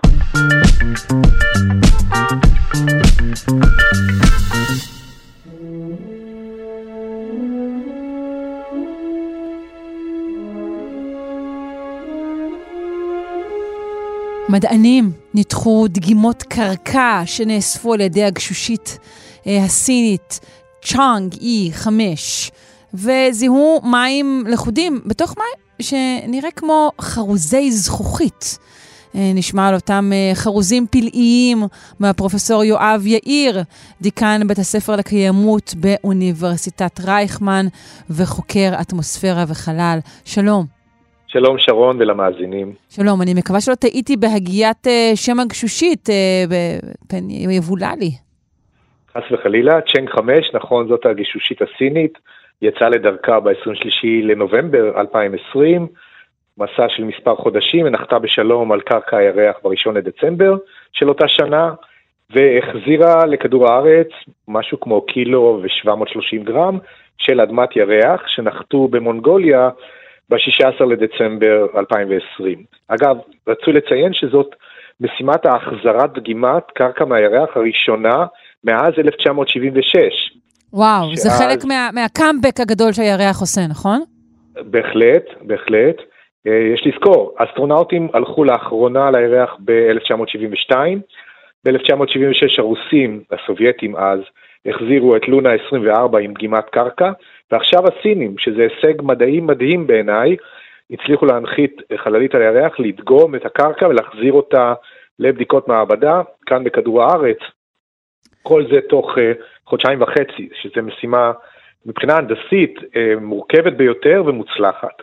כן, אתה אומר הישג אה, מדעי מדהים, כי אנחנו כרגע, נכון, אנחנו לא, לא אומרים, טוב, זה הסינים, זה הרוסים, זה האמריקאים, אנחנו מדברים על, על האדם ככלל, כשאנחנו מסתכלים על ההישג הזה. כן, כן, בהחלט. זאת אומרת, להביא דגימה מקרקע של כוכב לכת אחר, זה מבצע מסובך ביותר. צריך לתכנן היטב את מערכות השליטה והבקרה וההנאה הרקטית, את הרובוטיקה המתלווה לדגימה, שצריכה להיות סטרילית כשהיא חוזרת, שלא תזדהם, ולהנחית חללית שתגיע חזרה מהירח לנקודה מסוימת על קרקע כדור הארץ. אנחנו לא רוצים שזה ייפול באוקיינוס הרי. ואנחנו רוצים לדעת בדיוק איפה זה נופל כדי שנוכל לשלוח אה, משלחת חילוץ לאתר את הגשושית הזאת. כן. מבצע הנדסי מורכב ביותר, ולא הרבה מדינות בעולם הצליחו לעשות אותו. יפה, ברכות לסינים. אמ, אנחנו יודעים שיש מים על הירח כבר, כבר קודם לכן, נכון? נכון, יש אה, תצפיות עוד מתקופת אפולו, ובוודאי מחלליות אחרות שהקיפו אה, את הירח, לונר אקספרס ודומותיה. שהקיפו את הירח ומיפו אותו באמצעים אה, שונים, ואנחנו יודעים שיש מים, למשל, בתת הקרקע באזורי המכתשים, בקוטב הדרומי של הירח, שנמצאים בחושך תמידי, ולכן הקרח נשאר שם קבור ואינו מתאדה, mm-hmm. אבל המדידות האחרונות, וזה המאמר של הוא וחבריו, אה, שהתפרסם ב-Nature, Geoscience, ממש ממש בשבוע שעבר, גיליון של 27 למרץ, אה, מראה שיש רזרבואר או מאגר גדול מאוד אפשרי, הם, הם מדברים על כמויות של 270 אה, טריליון טון של מים אה, לכודים, וואו, אוקיי. בתוך 12 המטרים העליונים, כן? זאת אומרת, של... זה מים עיליים, להבדיל ממים תחתונים, שזה מה שמצאנו עד עתה? נכון, זה מים שהם ממש בסמיכות לפני השטח, וכמובן יש לזה חשיבות רבה ביותר לכל מה שאנחנו מדברים עליו בהיבט של תכנון מושבות ירחיות עתידיות, ומשימת ארתמיס אה, של נאסא, שאלה אני חושב שכבר דיברנו, אבל איך המים האלה הגיעו לפני הירח? והתשובה היא כנראה מאינטראקציה ממושכת ביותר של רוח השמש, אותה, אותה רוח או זרם חלקיקים, בעיקר אטומים של אה, מימן, פרוטונים, שנפלטים מהשמש ומכים בפני הירח, והפרוטונים האלה נלכדים בתוך מינרלים נושאי חמצן, והופכים חלק מהמולקולות של החמצן למולקולות מים שכלואות בתוך המבנה המינרלי רגע, של... זה מה שיוצר את, את, את מה שקראנו לו חרוזי זכוכית? סליחה, זה, זה מה שיוצר אלה, את זה? אלה חרוזי הזכוכית המופלאים שאותם אה, הביאו, הביאה החללית לניתוח במעבדה בסין, ושם נמצא שיש מולקולות של מים, ולפי החישובים שהם עשו של קצב ההארה או קצב הפגיעה של אטומי מימן בקרקע הירחית שנקראת רגולית, זה אדמה קטושה ממיליוני פגיעות של אה, רסיסים לאורך ההיסטוריה הגיאולוגית של הירח. חלק מהפגיעות האלה קדשו את הירח לאבק דקיק, אותו אבק מפורסם שנדבק לבגדים של האסטרונאוטים וחזר איתם אה, לכדור הארץ, וחלק הפך, וזה אנחנו יודעים גם מתהליכים דומים בכדור הארץ, כאשר גוף פוגע בקרקע סלעית, הוא מתיך חלק ממנה, והרסיסים הללו, חלקם הופכים לטיפות זכוכית קטנטנות בגודל של מילימטרים, ועל פני זמן, כשכל הירח קטוש, אז, אז אפשר למצוא אה, מולקולות של מימן שנלכדו בתוך הזכוכית הזאת והפכו למאגר סמוי של מים. אז אמרת שזה משפיע על, ה, על המחשבה שלנו על, על מושבות בירח, זה הופך את המים האלו לנגישים יותר עבורנו? אז זאת שאלה קשה, משום שלכאורה יש מים בצורה כלואה בתוך האדמה, במינרלים מסוימים, כמו שאמרנו, הכדורי זכוכית האלה, ה extraction, ההוצאה שלהם, לא תהיה אה, פשוטה, או הייתי אומר קלה אפילו, אבל, אבל מתחילים לחשוב על זה, כי אם, אם כבר אנחנו יודעים שיש, ואנחנו יכולים להפעיל אגב, לא בני אדם צריכים לעשות את זה, אפשר לשלוח רובוטים שינחתו אה, ויכינו מאגרי מים על ידי זיקוק הקרקע בתהליכים כאלה ואחרים לקראת בואם של המשלחות המאוישות. זאת אומרת שכבר יהיו מים ולא צריך לקחת שישיות של מי עדן בחללית. תגיד, אתה אה, ראית תמונות של אה, אותם חרוזי זכוכית? כי אני לא ראיתי. במאמר בנייצ'ר הם באמת לא פרסמו, יש הרבה אה, נוסחאות אה, פיזיקליות שמראות כיצד... כן, איך הם נוצרו, זה כן ראיתי, אבל לא ראיתי תמונה של הדברים עצמם. אבל אנחנו יודעים פחות או יותר איך הם נראים על סמך uh, מקבילות מכדור הארץ. Uh, uh, זה, זה נקוד, כאילו כמו אבנים uh, שמשתמשים בהם לתכשיטים אצלנו בכדור הארץ, זירקוניום וכאלה, רק כדוריות וחצי שקופות או אטומות, זה תלוי בהרכב המדויק של הקרקע בו פגע האסטרואיד או המטאוריט שהתיך אותה, והן למעשה די דומות לזכוכית געשית, כמו אובסידיאן, הזכוכית הוולקנית, כן. שיכולה להיות אטומה לחלוטין, אז, אבל ההרכב שלה דומה לזכוכית במובן הזה שזה לא כבישים מסודרים, אלא מין מסה אחידה ואמורפית. זהו, זה משהו שהוא יוצא אה, עגול? ההסתדרות שלו היא עגולה פחות או יותר? או שהיא גושית? כן, זה, בהחלט, בהחלט. זה כמו אה, שאנחנו יודעים בניסויים גרעיניים שבוצעו בכדור הארץ או בפגיעות של אה, מטאוריטים שיצרו מכתשים, אתה מוצא לפעמים סביב נקודת הפגיעה הרבה מאוד רסיסים של אה, טיפות של קרקע אחר כך חזרה דרך האטמוספירה, שהיא צונחת הופכת לצורה של טיפה באוויר ומתגבשת לצורה כדורית קטנה אה, שצונחת לקרקע, אפילו רחוק מאוד מנקודת הפגיעה עצמה. Mm-hmm. מה, מה יוצר, אם אתה יודע, צורה כדורית להבדיל מצורה גבישית אחרת? למה זה יוצא יותר סימטרי במקרה הזה?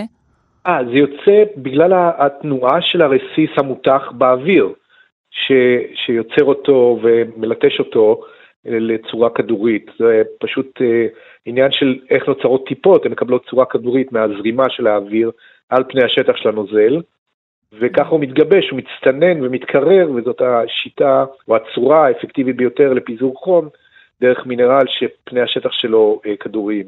הבנתי. האם מצוין במאמר מה, מה התכנון של הסינים בקרוב, אה, בהמשך לגילוי הזה? אני יודע שהסינים אה, מתכננים אה, כמובן נחיתה מאוישת מתישהו על הירח, אבל זה ייקח להם להערכתם 20 שנה. 20 הם, הם שנה? מתכ... כן, הם, הם מסודרים, הם עובדים לאט לאט, ואני לא חושב שהם יגיעו לפני האמריקאים, לפני ארתמיס. התוכנית של נאס"א היא לשגר עד סוף העשור הזה, כן. אולי אפילו קודם, אה, צוות שינחת על הירח ויחזיר את הדגל ה-Star Spangled, איך זה נקרא? Star Spangled פלאג, כן. לשים אותו שוב על הירח. האמריקאים יקדימו כנראה את הסינים, אבל הסינים לא ממהרים, אני חושב שזה אחד הדברים שמאפיינים את התוכנית החלל הסינית, הם עושים את זה מאוד מסודר, לאט ובבטיחות, ולכן הם מאיישים תחנת חלל, ואחרי זה מתאמנים שוב לטיסות ארוכות טווח, והם יגיעו לירח. יפה, מעניין מאוד. תודה רבה לך, פרופסור יואב יאיר, דיקן בית הספר לקיימות באוניברסיטת רייכמן וחוקר אטמוספירה וחלל. אה, שיהיה חג שמח, להתראות. שיהיה חג שמח, חן חן שרון, להתראות. ביי.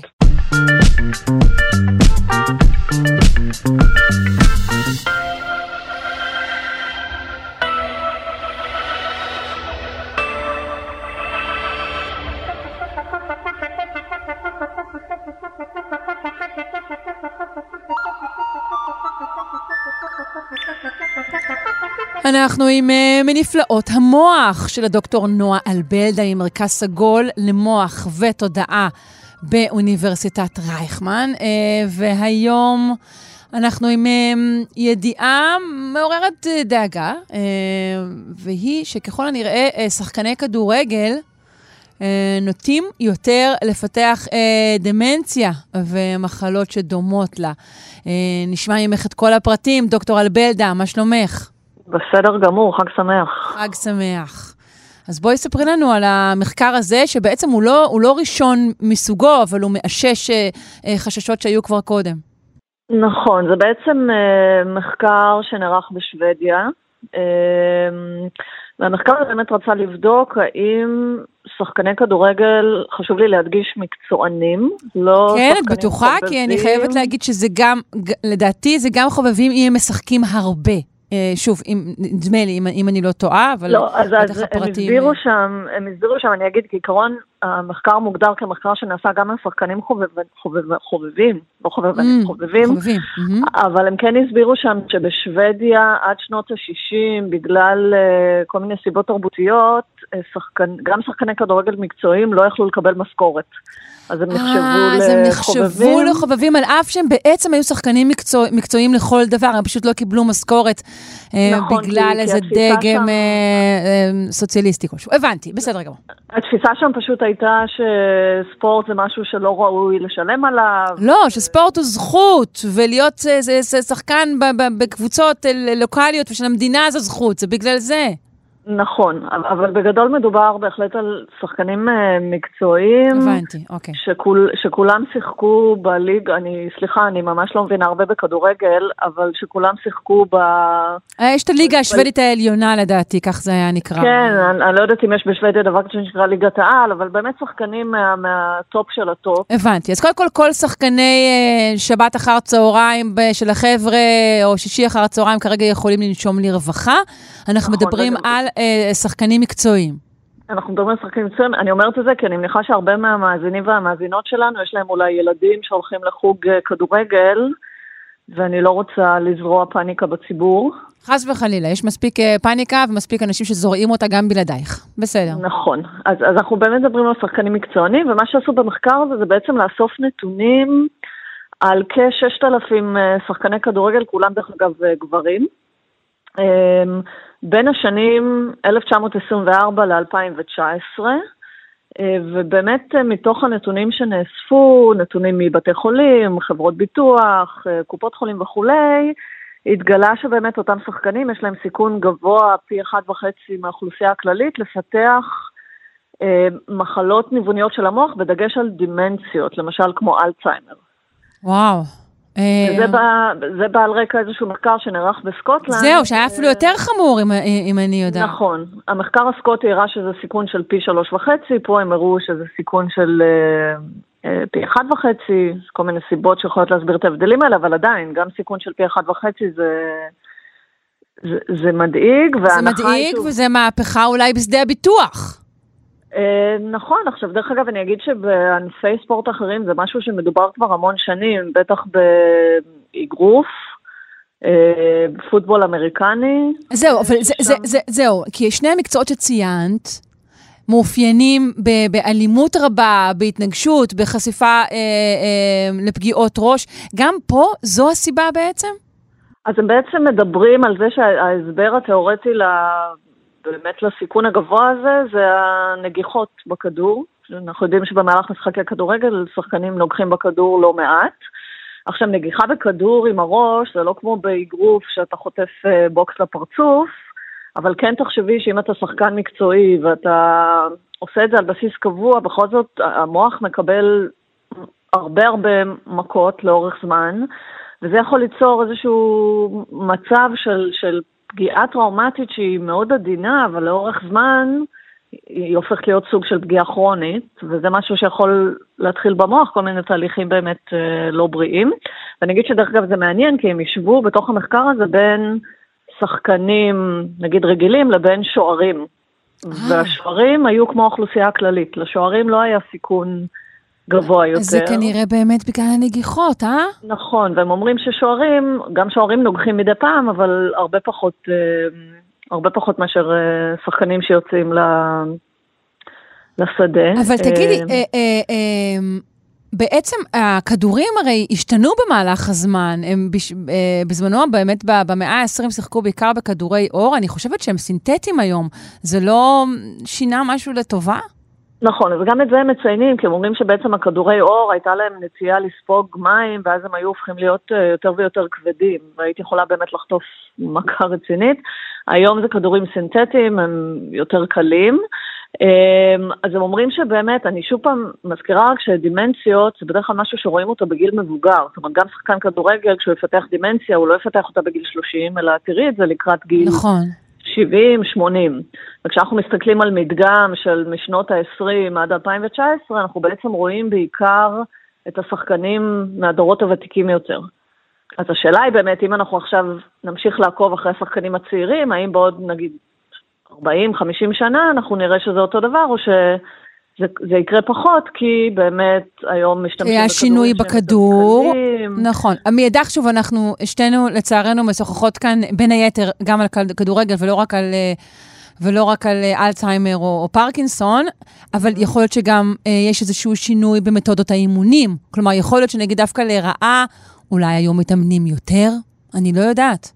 מתאמנים יותר, מצד שני, הם כן מציינים שם שהיום, למשל בחוגים לילדים, כן שמים דגש על הסיפור הזה של פגיעות ראש, ומאמנים שעושים חוגי כדורגל לילדים יודעים שלפחות בגילאים הצעירים צריך כמה שאפשר למעט אה, בלעודד אותם אה, לנגוח עם הראש בכדור. דרך אגב, שוב, אני יודעת שגם בפוטבול האמריקני, בגלל ש- שהיה הרבה מאוד עניין בסיפור הזה של פגיעות ראש, גם שם כבר התחילו ליישם כל מיני רגולציות שהמטרה שלהם זה למזער את, ה- את הפגיעות ראש האלה.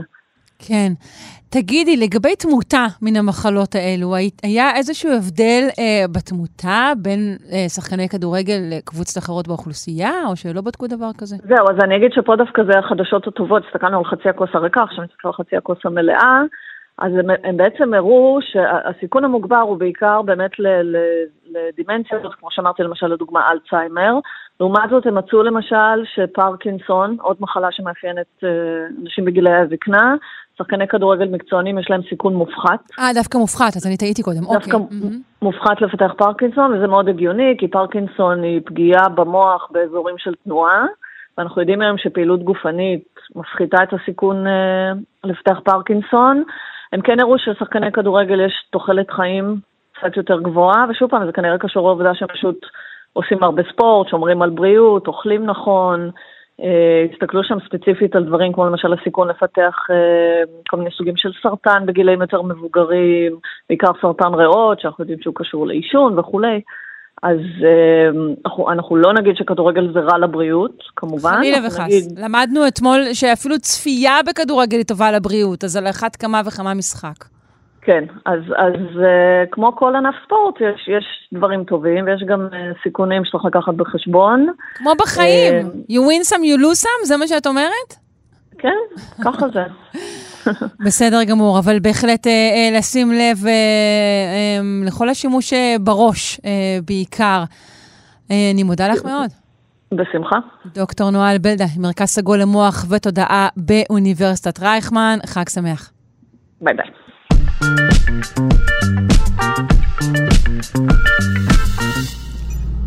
דיכאון קליני הוא כידוע אה, מחלה איומה, כעת אנחנו עם אה, פריצת דרך אפשרית אה, בטיפול בדיכאון קליני, וזו גרייה מגנטית, הזרמה של גלים מגנטיים למוח באמצעות קסדות ייעודיות.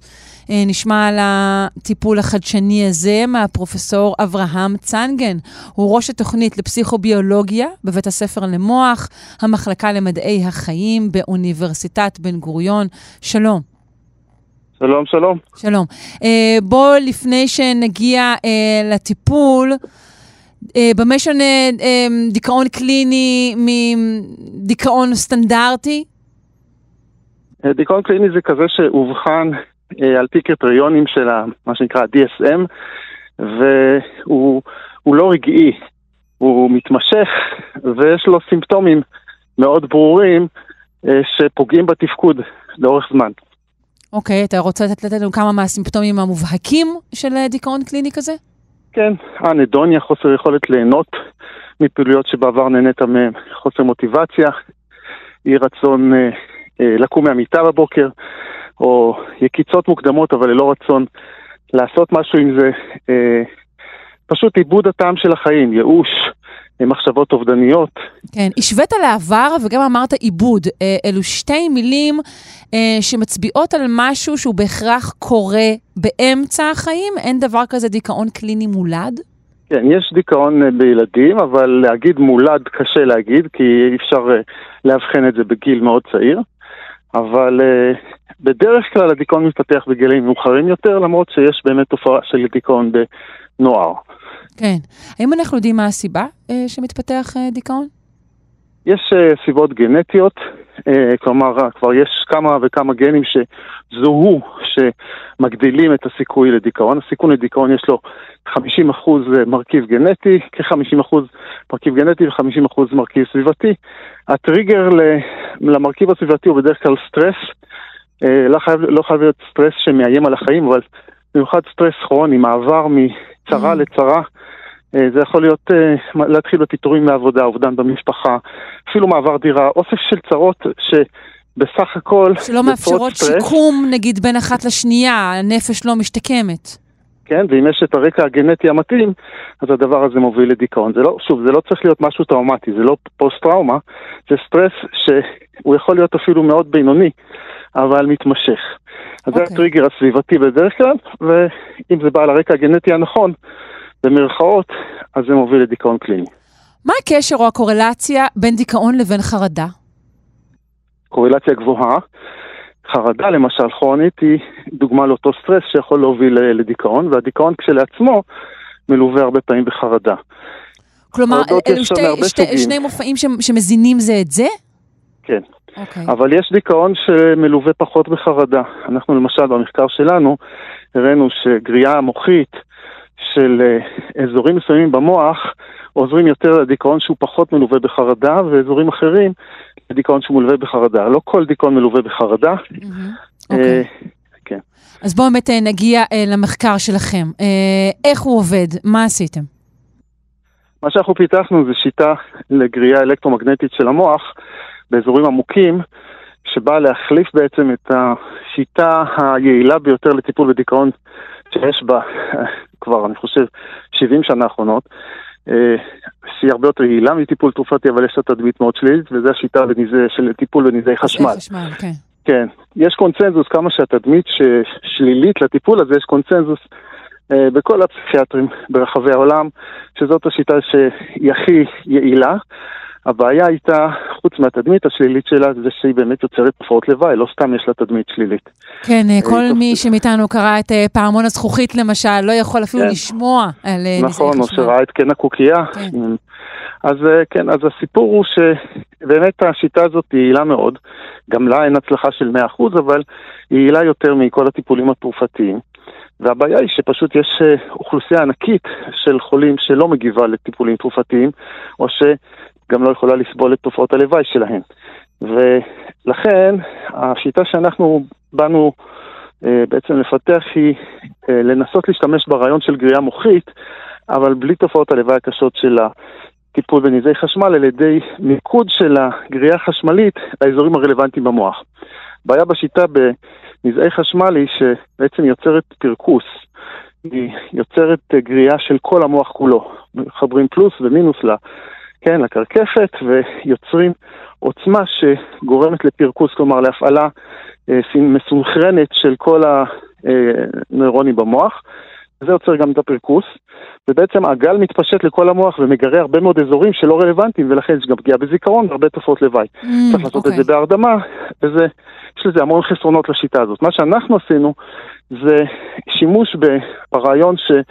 שדה אלקטרומגנטי, שדה בעצם זרם שעובר בתוך סליל, יכול ליצור שדה חשמלי ולעשות גירוי של המוח באזורים ממוקדים יחסית, לפי המבנה המרחבי של הסליל האלקטרומגנטי. אבל רגע, סליל... כדי שזה כן. יהיה יעיל, אתם צריכים לדעת בדיוק אה, אילו אזורים אתם צריכים אה, אה, כן. לגרות. כן, זה אזורים נרחבים, ויש הרבה מאוד מידע כבר שנתפתח לאורך השנים בספרות לגבי האזורים שיש בהם, אפשר לומר בצורה פשטנית, תת-פעילות או חוסר תפקוד אה, נכון, ואותם אנחנו רוצים לשנות, בניגוד לשיטה של נזעי חשמל שבה עושים כזה reset להכל, אנחנו מנסים לגרות רק אותם. והמידע על איזה אזורים רלוונטיים יש אה, על סמך הדמיה, יש עוד מחקרים אפילו במודלים בבעלי חיים, אבל שגם אני ביצעתי עוד במהלך הדוקטורט שלי ואחרים, אבל היום אנחנו באמת כבר יודעים הרבה יותר על האזורים, על הרשתות העצביות שהן פתולוגיות בפעילות שלהן בחולי דיכאון, ואותם אנחנו משנים על ידי uh, סדרה של פולסים אלקטרומגנטיים שהחולה מקבל לאורך זמן. רגע, זה טיפול חשוב. שמותאם אישית לכל מטופל? זה החידוש האחרון, האמת, המאמר האחרון שלנו בעניין, זה ניסיון להתאים באופן אישי בין, לפי סוג הדיכאון, אפילו לפי פעילות מוחית שאנחנו מודדים ב-EEG, אבל זה ממש ממש החדשות הכי הכי טריות. זה לא התחיל ככה, זה התחיל קודם כל ברעיון של באמת לגרות את האזורים אה, שידועים כאילו האזורים המועדים. כן, ובאמת המחקר האחרון אה, ניסה ללכת צעד קדימה ולאפיין אה, איזה חולה מתאים לו איזה גירוי מתוך שני סוגים של כן, אה, של חולים. בסך הכל שני סוגים של צלילים, שני סוגים של גירויים, גירוי יותר אה, לטרלי, כלומר צידי, של הפריפרונטל קורטקס השמאלי, קליפת המוח הקדמית השמאלית, לעומת אה, גירוי יותר medial י, אמצעי. מה ההבדל בין שני הסוגים של החולים? באמת אה, רמת החרדה כן. שמלווה את הדיכאון? זה, אפשר לומר, זה לא רק רמת החרדה, זה אוסף של cluster של סימפטומים מסוימים, שמאפיינים את החולים היותר חרדתיים. עם אוסף של סימפטומים שהם דיכאון וחרדה משולבים, לעומת אלה שהם אה, פחות אה, מבטאים את הסימפטומים אה, האלה של השילוב בין דיכאון וחרדה, יותר האנדוניה, והם דווקא מגיבים יותר לטיפול המדיאלי. אבל גם אם לא מחלקים את החולים לקבוצות, אם נותנים את זה כמו שזה, כן, כבר יש קרוב, אה, הפיתוח שלנו כבר קיבל אישור FDA, כן, ויש כבר וואו. היום, כן, יש כבר מעל 150 אלף מטופלים ברחבי העולם שקיבלו את הטיפול, אה, רובם בארצות הברית, שם כבר גם יש שיפוי ביטוחי טוב, בישראל עוד אין ממש שיפוי ביטוחי. אז uh, כל אלה טופלו ללא התאמה אישית עדיין. החידוש שלנו האחרון, שאני משער שבעקבות זה ככה שמעת על הסיפור, זה העניין נכון. של ההתאמה האישית. כן. נכון. Um, בוא נדבר על, על אלה שעוד לפני ההתאמה האישית, מה הם אחוזי ההצלחה ומה זה בעצם נותן? נותן uh, הפוגה? נותן ריפוי מלא? כן, אז אנחנו מצליחים להגיע, מראש מי שמגיע לטיפול הזה זה חולים שלא הגיבו לטיפול תרופתי, ברובם. הרוב הגדול, המכריע, זה אנשים שיש להם כבר כמה אפיזודות אה, של דיכאון בחיים, וגם באפיזודה האחרונה הטיפול התרופתי לא נותן מענה, אז מדובר מראש בחולים קשים, ושם אנחנו מדברים על כ-50% אה, של אה, הפוגה. וקרוב ל-70% של ריספונס, של תגובה, הגדרה של תגובה זה ירידה של 50% בסימפטומים, mm-hmm. וקרוב ל-50% מגיעים, כן, להפוגה. זאת אומרת, אם נגיד מתוך כ-150 אלף חולים שעד היום טיפלנו, אז הגענו למעל 70 אלף להפוגה. ולמספרים הרבה יותר גדולים של תגובה. זה טיפול שעושים אותו כמה פעמים, או שזה... או שזה... כן, הטיפול כן? הוא, הוא דורש, זה חלק מהעניין, הוא דורש מאמץ מצד החולה, כי הוא צריך להגיע לטיפול יומיומי, חמישה ימים בשבוע למשך uh, חודש, ואפילו יש, uh, הראינו שכדאי גם להמשיך לטיפולי תחזוקה כדי לדחות את הרילאפס, את החזרה לסימפטומים הבאה, שבדרך כלל הטיפול מחזיק חודשים ארוכים ואפילו מעל שנה, אבל אם רוצים לוודא את זה בסיכוי גבוה יותר, אז לוקחים גם טיפולי תחזוקה. אבל יש פה מאמץ לא קטן, וזה נקודת התורפה של הטיפול הזה. שזה גם כן אולי, אה, אולי עוזר לחולים בדיכאון, זה שהם צריכים להגיע לאיפשהו חמישה ימים בשבוע בשעה מסוימת, נכון. זה גם כן דבר שמסייע. ללא ספק, רק שכמובן שהמחקרים הראש, הגדולים שעשינו עם הרגולציה של ה-FDA כללו אה, זרוע של אה, טיפול דמה, כן? כן. שהם גם היו צריכים להגיע וקיבלו קסדה mm-hmm. בראש ולא ידעו מה הם מקבלים טיפול אמיתי או דמה, כן? וגם המטפלים לא ידעו, זה היה ניסוי דאבל בליינד שהוכיח שנכון, אכן עצם ההגעה חמישה ימים בשבוע לטיפול וזה חצי שעה ביום, כן? כן. הברוטו, כשלעצמה נתן אפקט גם בטיפול הזרוע הפלצבו, רק שהטיפול האמיתי היה הרבה יותר הרבה יעיל. הרבה יותר יעיל. ובעיקר לאורך זמן יותר יעיל. כן. כן. אה, אמור לי, אה, אה, אנחנו מדברים שוב על מקרים קשים של, של דיכאון קליני, אבל האם הגרייה הזו יכולה, נגיד, גם סתם להרים למישהו את המצב רוח? ברמה רגעית? כן, רגעית, יומית, שבועית. אצל אדם בריא. אצל אדם שהוא בריא יחסית, כן. כן. נגיד שיש לו רק איזה דיקי קל. כן, כן, יש דיווחים מאוד אנקדוטליים כאלה, זה לא מאוד, זה, לא הגענו לרמה הזאת. האמת שמשם אני התחלתי, העבודה שלי התחילה בחיות מעבדה, ויש את המודל של אולדס ומילנר שמשתילים אלקטרודה לאזורי, האזורים מסוימים של מערכת הגמול המוחית, ושם גירוי בתדר מאוד אה, גבוה וממוקד מייצר אה, באמת הנאה ורצון לחזור על הפעולה. חולדות אפשר אפילו ללמד אותם, או קופים, ללחוץ על פדל כדי להזריק לעצמם זרם לאותם אזורים במוח. כן. משם התחלנו, אבל זה דורש את תדירויות של גירוי הרבה יותר גדולות, והחדרה של השדה לעומקים מאוד, מאוד גדולים, ובעצם אי אפשר לעשות את זה כרגע מבחינת בטיחות עם השיטה של גריעה חיצונית בסליל אלקטרומגנטי. אז כלומר האפקט שיוצר הנאה מיידית, אנחנו לא שם, שוב, אבל יש דיווחים אנקדוטליים קצת, שיפור כזה או אחר במצב רוח, תחושה של כמו אחרי איזה כוסית אלכוהול, זה תלוי באזור כן. הגירוי. פרסמנו על זה קצת, אבל זה לא תופעה מאוד חזקה כמו התגובה לטיפול בדיכאון. הבנתי. טוב, אני כמובן אה, חותרת למחשבה של האם קסדות מהסוג הזה יהפכו להיות, אתה יודע, דבר שיש אותו בבית, שבוע כן. קשה, אנחנו נותנים טיפול והמצב משתפר, אבל אתה אומר ש, ש, שלא, בעצם, עוד לא שם. לא, אפשר, זאת אומרת, הטיפול שהוא, כשהוא חוזר, הוא יוצר שינוי ארוך טווח ומשפר את המצב, אם נכנסים למצב אה, של אפיזודה דיכאונית. כן. אה, אז זה כן, רק שהעניין של להחזיק את זה בבית, הוא לא ריאלי משתי סיבות. אחד, זה כרגע דורש השגחת רופא. זה טיפול רפואי לכל דבר, כן. זה צריך להיות בהשגחת רופא. שתיים, זה מכשיר מאוד יקר, זה לא לרמה של שימוש ביתי, כן? כן. זה מכשיר של אה, עשרות אלפי דולרים. ב... זאת אומרת, זה לא משהו ש... זה רק דברים אבל של סקלת הזמן, על פי רוב, זה מה שאנחנו מגלים. אה, אה, קצת מורכב יותר, זה מכשיר מאוד מאוד רציני, זה לא משהו לשימוש ביתי כרגע, וגם מסיבות של רגולציה. בסדר גמור, אני כנראה בטח אה, קראתי יותר מדי מדע בדיוני. אה, תגיד, הטיפול המותאם אישית, אה, הוא עוד לא עבר אישור של FDA, נכון?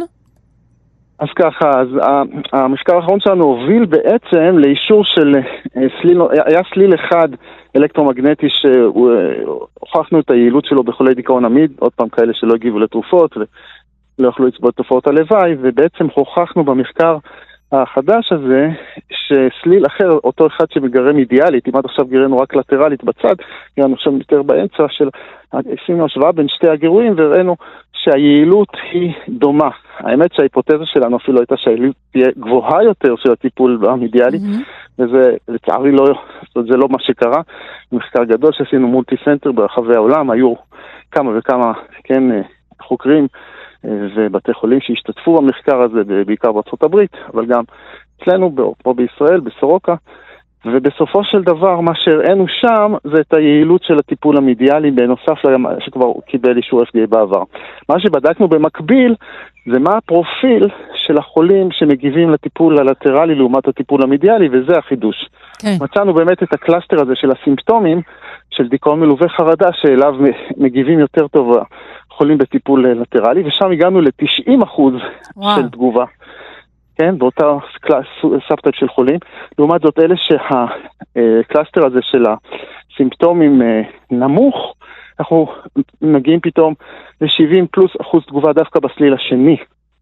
אז ככה שהיום, על סמך ה clusterים האלה ועוד אחרים שמדדנו ב-EEG, כל מיני מאפיינים בעצם של הפעילות המוחית, שמראים פתולוגיה יותר מידיאלית, כלומר באזורים כן, מרכזיים של קליפת המוח הקדמית, לעומת אזורים צדדיים של, של קליפת המוח הקדמית, אה, על סמך ה-EEG אה, אפשר לשפר את ההתאמה של הטיפול ואז להגיע לאחוזי הצלחה אפילו גבוהים יותר. זה החידוש, אבל... אה, הבנתי. כן, האם הטיפול העקרוני, אפילו לא, אפילו לא זה שמותאם אישית, האם הוא כבר מוצע אה, לציבור בארץ? מוצע לציבור בארץ, אבל כאמור, אין לו כל כך, השיפוי הביטוחי שלו הוא לא, כן. לא מספק, זה טיפול יקר. וכן, יש, זה, שוב אמרתי, מעל 150 אלף מטופלים ברחבי העולם, אפשר להגיד שמתוכם בארץ אולי טופלו כאלף אלפיים, משהו אבסורדי. פיתוח ישראלי, כבר נהנו ממנו הרבה הרבה יותר אה, מחוץ, לעול, מחוץ לישראל מאשר בישראל. זה לא משמעותית. הפעם הראשונה ולא הפעם האחרונה שפיתוחים כן. ישראלים בעצם אה, בעולם כן. אה, נהנים מהם יותר. במיוחד אני... בארצות הברית בגלל השיפוי הביטוחי כן. שיש שם. טוב, אני מודה לך מאוד, אה, פרופסור אברהם אה, צנגן, ראש התוכנית לפסיכוביולוגיה בבית הספר למוח, המחלקה למדעי החיים, אוניברסיטת בן גוריון. חג שמח, תודה על השיחה. תודה רבה, חג שמח.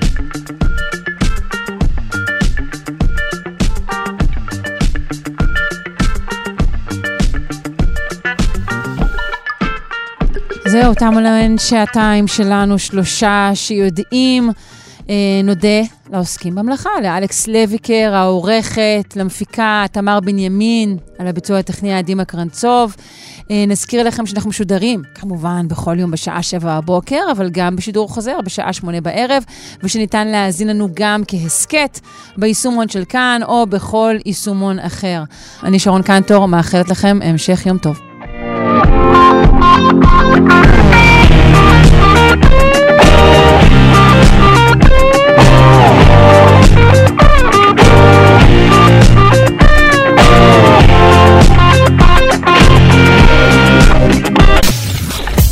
אתן מאזינות ואתם מאזינים לכאן הסכתים.